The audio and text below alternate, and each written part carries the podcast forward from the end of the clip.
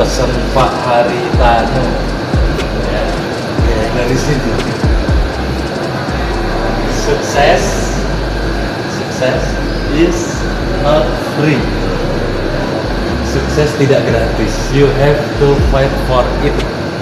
Oke, thank you, good. sukses itu nggak gratis tapi harus tetap berjuang. Ah,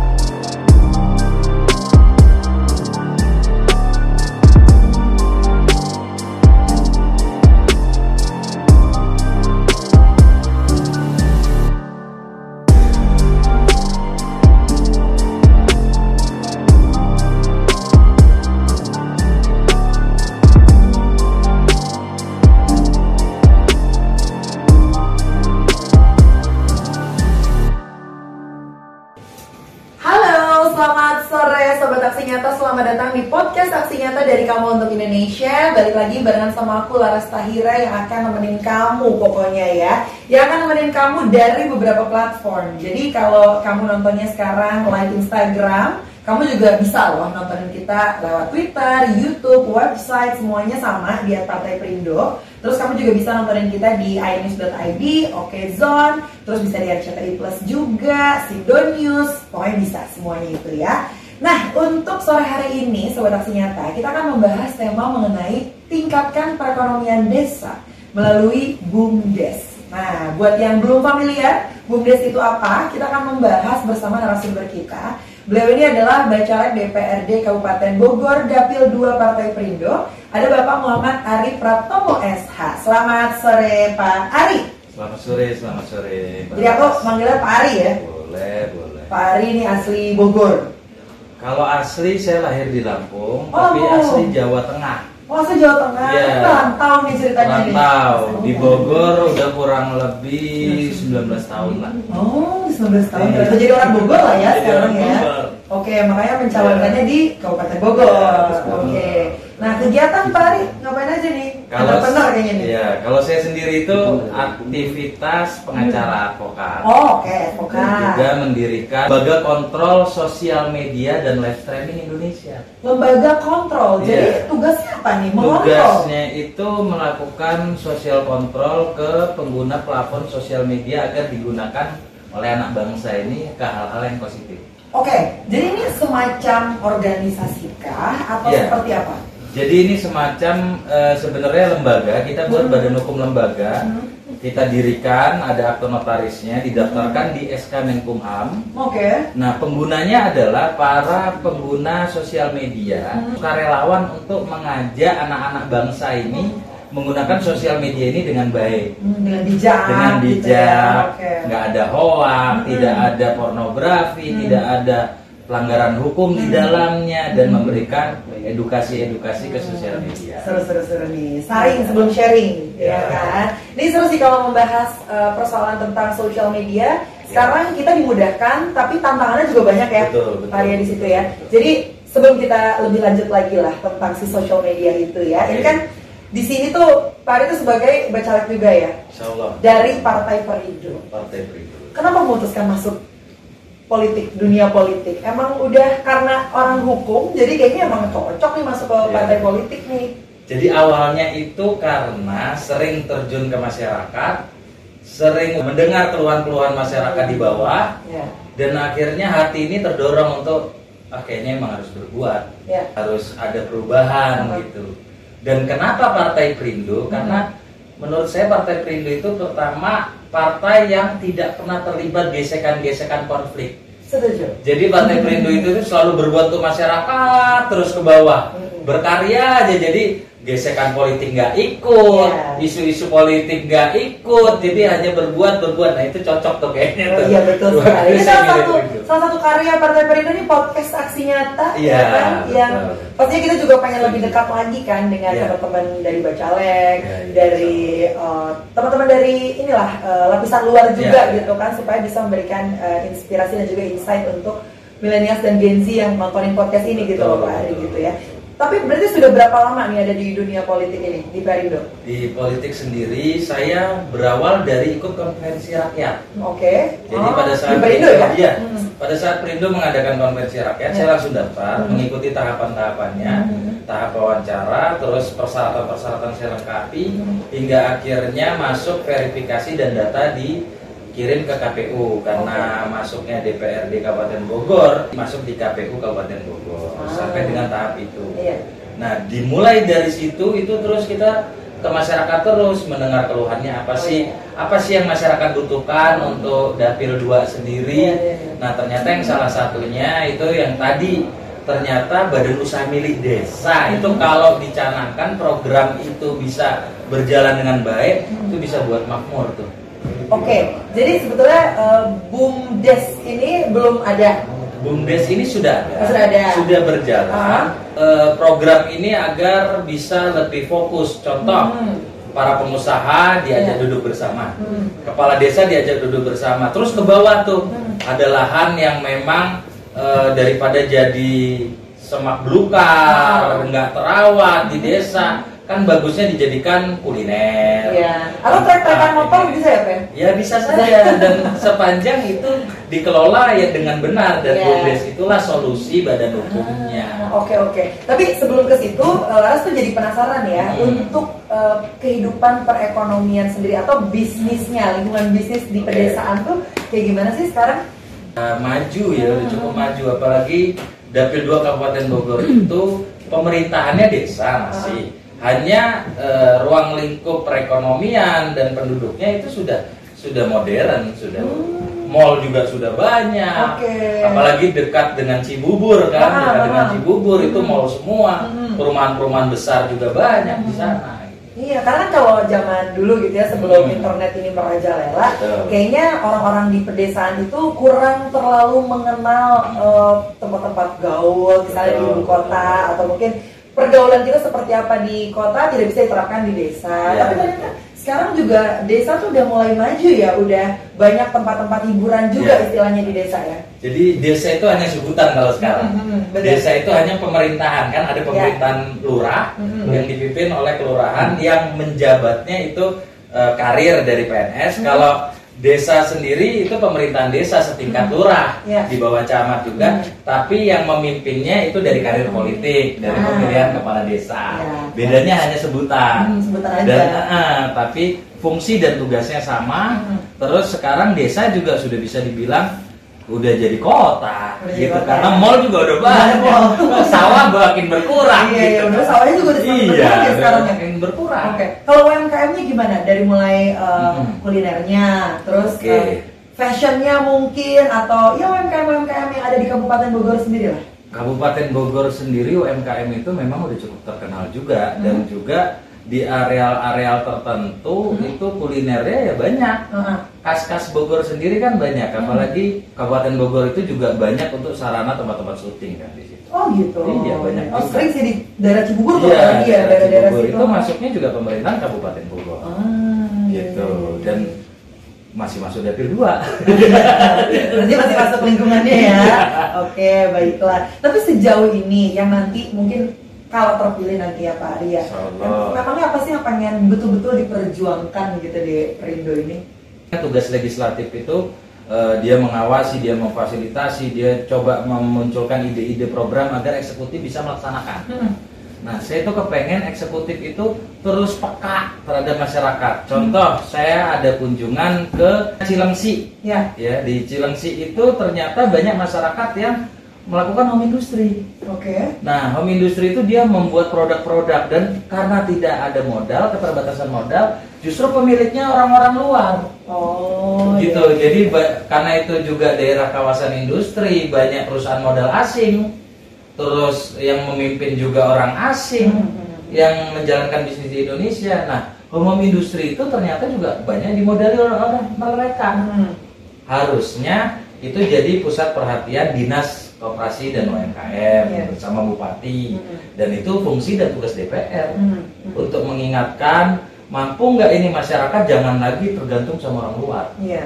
jadi eh, dinas koperasi itu memfasilitasi Mhm. memberikan modal yang tidak memberatkan seperti apa mengawasi dan eh, legislatif DPR itu yang eh, memfasilitasinya sudah Mhm. gitu eh, anggarannya dia susun hingga akhirnya masyarakat itu nggak tergantung lagi sama orang luar Iya. makmur masyarakat di bawah Betul betul. terus bumdes sendiri diturunkan lagi ke tingkat bawahnya jadi badan usaha milik RT jadi tiap RT itu ada badan usaha Iya iya iya. pengangguran nggak ada di Bogor mbak Betul. laras sih ya kalau itu berjalan benar gitu Iya iya iya. iya. itu sih yang luar itu hanya kita undang Iya. kenapa sih mereka bisa berpikir seperti itu Iya. terus ilmunya kita ambil Yes. jangan kita yang tergantung Betul. sudah gitu yang melaksanakan kita sendiri Iya. masyarakat sendiri masyarakat Yang sejahtera juga tetap masyarakat betul juga gitu Betul, kan. itu sepakat itu harusnya Iya. itu Harusnya itu dan semoga bisa kejadian. Amin, ya. Amin, amin. Jadi ini salah satu permasalahan uh, ya, yang paling concern banget yang ini atau masih apa aja sih pengen tahu deh aku tuh Pak Ari permasalahan-permasalahan yang ada terutama di dapilnya Pak Ari ya. keluhannya salah satunya itu Hmm. terus ada lagi keluhan berkaitan tentang pendidikan Oh. itu yang paling banyak saya dengar Ya ya ya. ya. jadi di Kabupaten Bogor sendiri kalau di dapil 2 itu yang saya dengar masyarakat itu memasukkan anaknya ke sekolah negeri itu susah. Ya, Itu banyak benar. ya. Terus ada dugaan oknum-oknum di dalamnya itu menjual kursi. Oke, ya. Tapi Banyak. kalau misalkan dia tidak mengikuti proses perjalanan yang yang melanggar seperti itu, anaknya nggak dapat sekolah negeri. benar. Akhirnya dimasukkan sekolah Swasta. swasta. Iya. Nah, kalau legislatifnya nggak jalan, bupatinya nggak dipanggil, sudah gitu kepala dinas pendidikannya nggak dipanggil untuk turun ke bawah, jangan sampai terjadi kayak gitu lagi. Pembenahan itu nggak ada mbak Laras. Hmm. Gitu loh. Jadi yang mas, eh, pendidikannya masih dijadikan concern ya. Iya itu itu keluhannya paling ya, banyak. Pak, ya? Setiap saya ketemu masyarakat kalau ditanya apa sih yang dirasakan di Kabupaten Bogor itu Pak Ari masuk sekolah susah, masuk sekolah susah dan itu hampir semuanya ngomongnya begitu gitu loh. Oh, Iya. Ya karena saya- juga sempat ngobrol-ngobrol tuh ya waktu itu eh, soal Kabupaten Bogor juga Hmm. bahkan kalau di data aja hampir 2000 anak putus sekolah ya. Iya itu Karena- itu benar kita. sering. Ya kan karena memang ya faktor zonasi iya, Betul. faktor biaya iya, belum faktor orang tua yang kayaknya udah kalau perempuan khususnya perempuan gak Iya, usah iya, iya. sekolah tinggi-tinggi deh, Iya. orang tua aja itu kan Iya, betul. pemikiran seperti itu masih banyak ya Iya. di Kabupaten Bogor yang memang harus lebih banyak sosialisasi lagi sih gitu. Setuju dan itu harus dirubah secepatnya itu. Betul, apalagi negara makin maju, jangan Iya. sampai lebih ketinggalan lah kita Iya. gitu. Karena lagi udah banyak event internasional yang datang ke Indonesia loh, Setuju, jadi setuju. kita harus bisa uh, lebih, Lebih cepat beradaptasi dan Lebih lebih unggul. unggul. Betul, setuju sekali ya. Nah ini ngomong-ngomong bumdes, jadi tadi sebelum uh, on air tuh Lara sempat nanya gitu ya, ini kok ada jaket? Ada jaket Partai iya. Perindo, kayaknya Lara tuh pernah lihat nih dari narsum-narsum sebelumnya ternyata bikin sendiri, Pak. Ya, Ari. jadi jadi kita itu kadang kala kalau kumpul nih sama teman-teman terus ngelihat eh, mode-mode gitu kan, Ya. desain sendiri kebetulan Aha. ada teman-teman itu kadang dia juga bisa ngedesain. Ini Hmm. warnanya yang cocok apa, ini cocok apa. Nah kita itu suka ngebuat kalau begadang kumpul, Bagus. habis turun ke masyarakat Oh. sambil ngedesain. Pak ini kayaknya bagus deh, ini Iya, kayaknya iya, warna iya. ini aja. Yuk kita mesen. Nah mesennya sederhana aja Ah. kayak eh, secara online gitu kan Ah. banyak eh, marketplace online yang yang kita nggak perlu datang jauh-jauh Iya. ke Bandung atau ke mana Rebahan aja. Ah, rebahan aja desainnya kita Hmm. kirim fotonya kita kirim setelah kita edit eh, kita mau yang begini nih harga berapa nih Ah. ah udah mereka ngirim setelah Hmm. mereka ngirim ternyata jadi bagus ya Iya. ternyata ini nah bayangkan kalau bumdes jalan Nah, ya itu dia. terus itu juga jadi salah satu sarana usaha Hmm. dan masyarakat di sekitar desa itu penduduk desa itu yang nganggur-nganggur begitu lulus sekolah mereka nggak susah-susah lagi tinggal Iya. ke bumdes Hmm. mereka kemampuannya apa karyanya apa diarahkan ke sana diarahkan ke Iya, sana iya. terus mana masyarakat yang nganggur itu eh, udah nggak ada lagi kita Iya. dengar kalau misalkan itu betul-betul jalan Hmm. Tapi kan sebenarnya pengelolaan bumdesnya sendiri belum merata ya, Belum, apalagi belum. di Kabupaten Bogor ini belum. gitu. Padahal kan sebetulnya tujuan utama bumdes ini untuk mensejahterakan perekonomian Betul. eh, masyarakat sekitar Betul, juga betul. gitu kan. Kira-kira apa dong yang harus dilakukan nih supaya untuk si pengelolaannya sendiri ini berarti dari internalnya dulu Iya, ya Pak ya iya. untuk bisa berjalan dengan baik gitu. betul yang harus dilakukan orang yang diberikan amanah Oke. untuk dipercaya masyarakat dipilih duduk di kursi DPR Nya inisiatif memanggil pihak-pihak eksekutif Hmm. misalkan kayak bupati dinas-dinas nah itu agar diperintahkan untuk melaksanakan seperti bumdes kepala desanya dipanggil eh, bupati dipanggil dinas koperasi UMKM dipanggil Hmm. terus ayo ini bumdes tolong turun ke badan usaha milik RT Ya. berapa aset desa yang jadi semak belukar nganggur Ya. Gitu. Nah ini dijadikan apa kuliner kah? Terus eh, ide-ide yang lain apa? Terus masyarakat harus punya data nih. Anak-anak yang nganggur lulus sekolah Hmm. nggak kuliah, terus nggak ada pekerjaan itu berapa? Hmm. Itu tugas kepala desa dan itu yang aktif pertama kali ya harus DPR-nya. Iya iya iya. Itu. Tapi artinya memang ini butuh uh, pendampingan ya, karena kan Hmm. sebenarnya bumdes ini adalah hal yang baru untuk Betul. apalagi masyarakat masyarakat di desa gitu. Nah sejauh betul. ini untuk pendampingannya sendiri seperti apa Pak?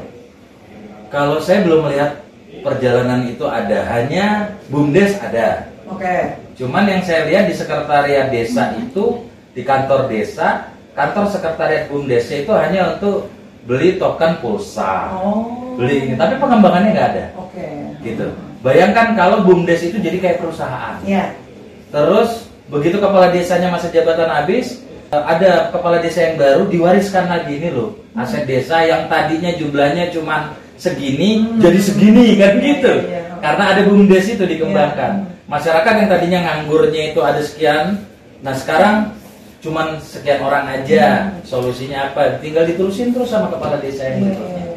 gitu Ah iya, tapi kalau ngelihat eh, masyarakatnya sendiri ya, Hmm. karena kan untuk potensi pasti ada ya. oke Masyarakat Kabupaten Bogor, terutama di Dapil 2 ini. Kalau Pak Ari ngelihatnya gitu, Hmm. potensi yang bisa dikembangkan dari sisi pariwisatanya, Iya. dari eh, kulinernya mungkin, apa aja sih yang bisa diulik, bisa digali gitu? banyak sekali Hmm.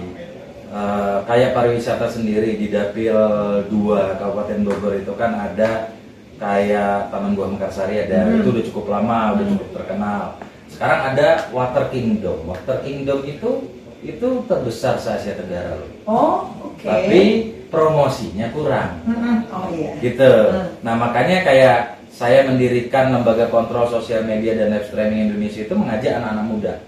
Untuk ayo nih pariwisata pariwisata di lokasi kalian kalian promosi lewat sosial media Hmm, hmm, hmm. terus kalian punya karya apa karya apa karya apa di situlah berkarya di sosial media iya. sekarang mudah dengan sosial media itu dunia bisa ngeliat kalian nih Betul. gitu nah itulah eh, kenapa juga kita mendirikan itu Hmm, jadi biar ada ada wadah untuk Hmm. anak-anak muda ini iya. Terus eh, kayak mereka punya jiwa dagang, Ah. punya jiwa bisnis. Kafe-kafe udah banyak sekarang di sekitar Dapil 2 Wah, sendiri. coffee shop udah iya, di coffee shop mana-mana ya? udah di mana-mana Ah. dan itu di desa-desa itu yang masih ada sawahnya sedikit dananya sedikit mereka desain tuh jadi jadi coffee shop. Itu yang dicari justru sekarang. Iya, Ya kan, jadi, cari eh, coffee shop di suasana pedesaan. Iya, suasana pedesaan benar. Cuman saya belum melihat Hmm. Dinas Koperasi dan UMKM turun membina Ah, mereka, mengembangkan, mengarahkan, Iya, iya, sudah gitu eh, memfasilitasi agar booming. Kalau kita lihat setiap pemerintah kan ada website khusus, Iya. website sendiri. Hmm. Terus di website itu kan kita bisa lihat ya seberapa jalan pemerintahan itu. Iya. Kalau di website semua potensi itu itu ada di website pemerintahannya, berarti mereka jalan. Hmm. Tapi kalau nggak ada, isinya hanya pidato-pidato yang membosankan, ya kan? Kalau DPR-nya itu terpanggil banget hatinya, dia pasti bisa untuk melakukan perubahan. Pasti. Nah, tapi kalau ini balik lagi nih ya Oke. eh, ngomongin social media lembaga yang Oke oke. Pak Ari jalankan juga gitu. Karena ini berhubungan juga dengan kegiatan-kegiatan eh, yang dilakukan oleh masyarakat dari Dapil 2 lah, Iya. especially Oke. gitu ya. Entah itu mereka buka coffee shop lah, entah itu mereka berdagang apalah, kaos Iya, dan iya. segala macam kan artinya mereka harus mempromosikan itu lewat sosial media Sosial apalagi media. gitu kan zaman sekarang gitu. Apakah ada pelatihan-pelatihan khusus Pak Ari selama ini yang diberikan oleh eh, teman-teman dari lembaga ke masyarakat khususnya di Dapil 2 ini? Ya kita sering mengadakan edukasi itu. Sebelum saya terjun ke politik terus eh, nyalek, Hmm. itu kita juga udah melakukan. Ah, udah rutin ya? Ah, udah dulu tuh dulu kita udah buat surat di tahun 2017 itu minta audiens Hmm. ke Menkominfo Oh ya. agar lembaga kita itu bisa ditunjuk Hmm. lembaga kontrol sosial media ini untuk jadi pusat training center Oke. official host di Hmm. TikTok, Oh, di. IG, Bigo lah itu Oh. kan host-hostnya itu tuh harus di training. Iya. Kalau nggak di training, bagaimana dia menularkan bahasa yang baik ke Hmm. masyarakat? Hmm. Kalau nggak di training, bagaimana dia itu tidak melakukan aksi pornografi, Iya. membuka aurat dan Hmm. lain-lain. Nah itu harus harus di training. Nah artinya eh, itu udah jadi kegiatan rutin. Hmm, oke. Apalagi begitu saya mulai terpanggil pengen ada perubahan di Kabupaten Bogor, ya akhirnya kita jadi fokus juga untuk Hmm. mengarahkan anak-anak muda terus tiap hari kita di Pasti. rumah kumpul. Oh, gitu. Eh, kumpul, ayo kalian bisa melakukan apa? Hmm. Eh, pada punya akun YouTube nggak? Hmm. Nggak, belum punya eh, Bang Ari. Buat dong di Hmm. YouTube bisa mendapatkan penghasilan. Iya, iya. Bakatnya apa? Bisa main gitar, bisa. Buka buat kontennya. Buat Gitar. jadi kita itu senang Hmm. gitu loh, bahagia Hmm. ngeliat anak-anak di sekitar kita itu tuh berkarya itu senang gitu. Nah, itulah yang kita lakukan. Ya seru sih, ini tuh jatuhnya jadi eh, meng- mengajak anak-anak muda untuk melakukan aksi milenial justru Betul, ya anak-anak zaman sekarang yang kalau emang belum bisa untuk apa eh, ngasih saham Betul. atau apalah kerjaan-kerjaan yang kayaknya berat gitu dilakuin anak muda sesimpel bikin konten di sosial media aja tuh sebenarnya bisa menghasilkan Iya. kalau ada mau dan ada yang membimbing sebetulnya Pak Ari gitu ya Dan itu bisa bu- membuat perubahan. iya betul setuju, Iya, setuju, bisa setuju. membuat perubahan benar benar dari hal kecil. banyak kecil benar karena sekarang orang-orang yang sudah besar pun tidak menutup kemungkinan mereka datang dari desa Mhm. terus eh, melakukan sebuah aksi nyata Betul, gitu kan dan akhirnya berbuah hasil yang Perubahan. baik gitu dan membuat perubahan Untuk juga Indonesia. untuk Indonesia Eh, daripada masyarakat di Kabupaten Bogor khususnya Dapil 2 ini banyak sebetulnya ya pendampingan-pendampingan juga dibutuhkan Iya. gitu. Nah apa nih langkah eh, first stepnya gitu ya langkah yang mungkin bisa dilakukan eh, yang paling dekat oleh pemerintah untuk bisa eh, melakukan pengelolaan bumdes tadi untuk yang simpel-simpel aja yang Simpel. harus dilakukan oleh pemerintah. Oke. Yang simpel itu bupati bersama dinas terkaitnya manggil kepala desa, Mhm. Memerintahkan kepala desa agar bumdes ini harus eh, bisa sampai turun ke tingkat RT. Badan usaha milik RT itu juga harus sudah ada. Sudah gitu panggil pengusaha-pengusaha Hmm. eh, apa tawaran untuk bisa bermitra Hmm, ya, gitu. ya, ya. Desa ini punya tanah yang nggak kepake milik desa adalah sekian. Ini bisa dimanfaatkan untuk apa? Hmm. Yang tidak melanggar hukum, Iya. terus gitu bisa dirasakan masyarakat banyak. Kulinerkah, apakah gitu. Nah terus eh, untuk modal sendiri, apakah ada anggaran di kabupaten itu? Kalau Hmm. ada, tolong dialokasikannya ke Iya. situ. Sesimpel itu sebenarnya. Simpel Mbak Laras. sebenarnya ya. Iya. Tapi kenapa susah dilakuin ya Pak ya? Ya, yang teriak-teriak belum ada. ya makanya kan tujuan Pak Ari turun juga ya ke Perindo untuk bisa menyuarakan itu dan semoga Insya bisa didengerin Allah, sama pemerintah karena. Nggak tahu ya aku sih dengernya gemes aja gitu Hmm. karena banyak potensi yang bisa dikembangkan dan ini salah satu cara yang gampang sebetulnya ya untuk bisa menaikkan ekonomi Betul. eh, masyarakat di desa Ya. gitu kan Dan uraian saya ini dari tadi masuk akal kan Mbak Lara? banget dan, makanya kayaknya dan bak- kita udah kebayang kan ini Uh-huh. kalau dilakukan ya memang Iya, bener betul, jalan kan betul, gitu betul. ya udah. Maksudnya flow-nya kan seperti Iya, itu kok kalau dijalankan gitu. Jadi ya semoga lah bisa Amin, amin. menyelesaikan, bisa menjalankan yang dicanangkan ya Pak Ari ya dan pokoknya hope for the best lah pokoknya. Dan tentunya terima kasih juga Pak Ari sudah mampir di podcast Aksi Nyata ya. Ini juga campaign aksi nyata nih yang berhubungan dengan movement yang dijalankan Partai Perindo juga ya Sobat Aksi Nyata Iya. produktif, solutif, modern, bersih berintegritas, peduli dan juga turun tangan untuk Indonesia sejahtera. Jadi, lalu mau mengundang hmm, Sobat Aksi Nyata yang pengen gabung di Partai Perindo itu bisa langsung cek aja website di bawah sini di www.partaiperindo.com dan jangan lupa juga untuk mendownload aplikasi Partai Perindo di App Store atau Play Store atau biar lebih gampang kamu scan aja barcode yang ada di layar sini. Ya, jangan lupa.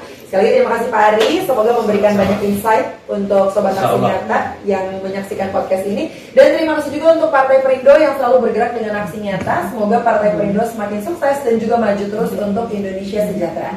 Salam aksi nyata dari kamu untuk Indonesia. Laras Taira pamit dulu. Kita ketemu di episode selanjutnya. Dadah.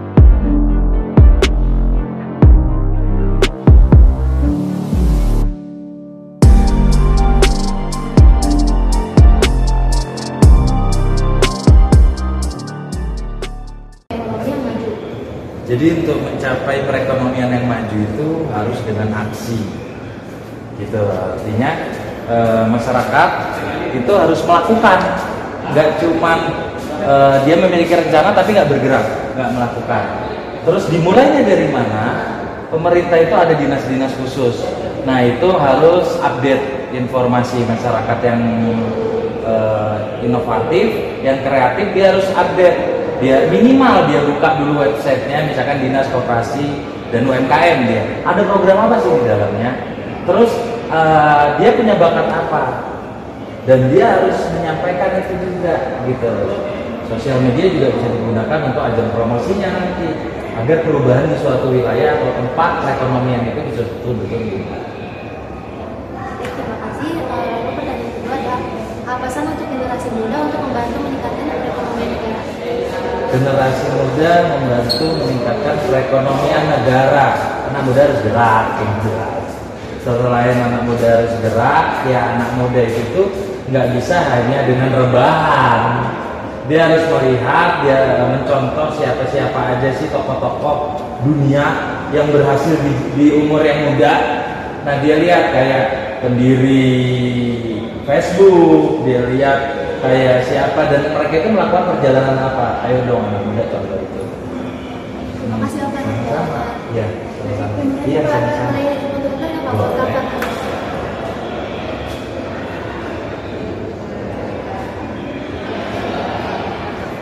Terima kasih ya mbak.